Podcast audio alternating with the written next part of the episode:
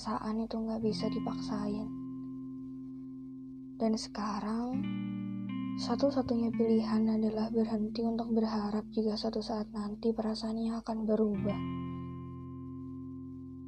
Dia lebih dari sekadar manusia yang berhati beku. Jangankan untuk membuat hatinya luluh. Untuk menyentuh hatinya pun, kamu sepertinya tidak akan bisa. Kamu gak akan bisa mengendalikan perasaan seseorang. Persetan dengan cinta yang bisa datang karena terbiasa. Kamu bahkan tidak diberi kesempatan untuk memposisikan diri di samping dirinya. Harusnya kamu sadar. Sejak dia nggak lagi ngebales chat kamu, dan saat dia udah berhenti untuk mencoba berkomunikasi sama kamu, itu adalah waktu yang paling tepat untuk berhenti. Berhenti memposisikan diri seolah-olah kamu adalah orang yang dia butuhin.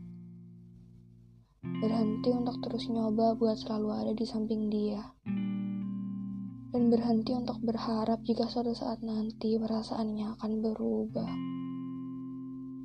Hei, harus ngorbanin perasaan kamu sendiri atas hal-hal yang sebenarnya gak dia butuhin.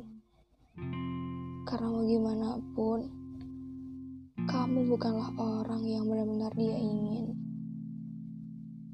Satu hal yang perlu kamu ingat, mau kamu jungkir balik kayak gimana pun, kalau dia tidak ditakdirkan buat kamu, kamu gak akan bisa dapetin dia. Tapi, Mau sejauh apa pun kamu sama dia, kalau dia ditakdirkan buat kamu, Tuhan pasti punya cara untuk nemuin kamu sama dia.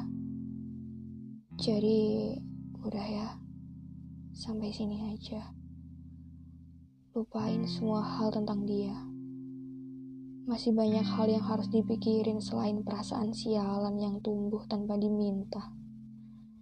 Gak apa-apa, pelan-pelan nanti juga hilang.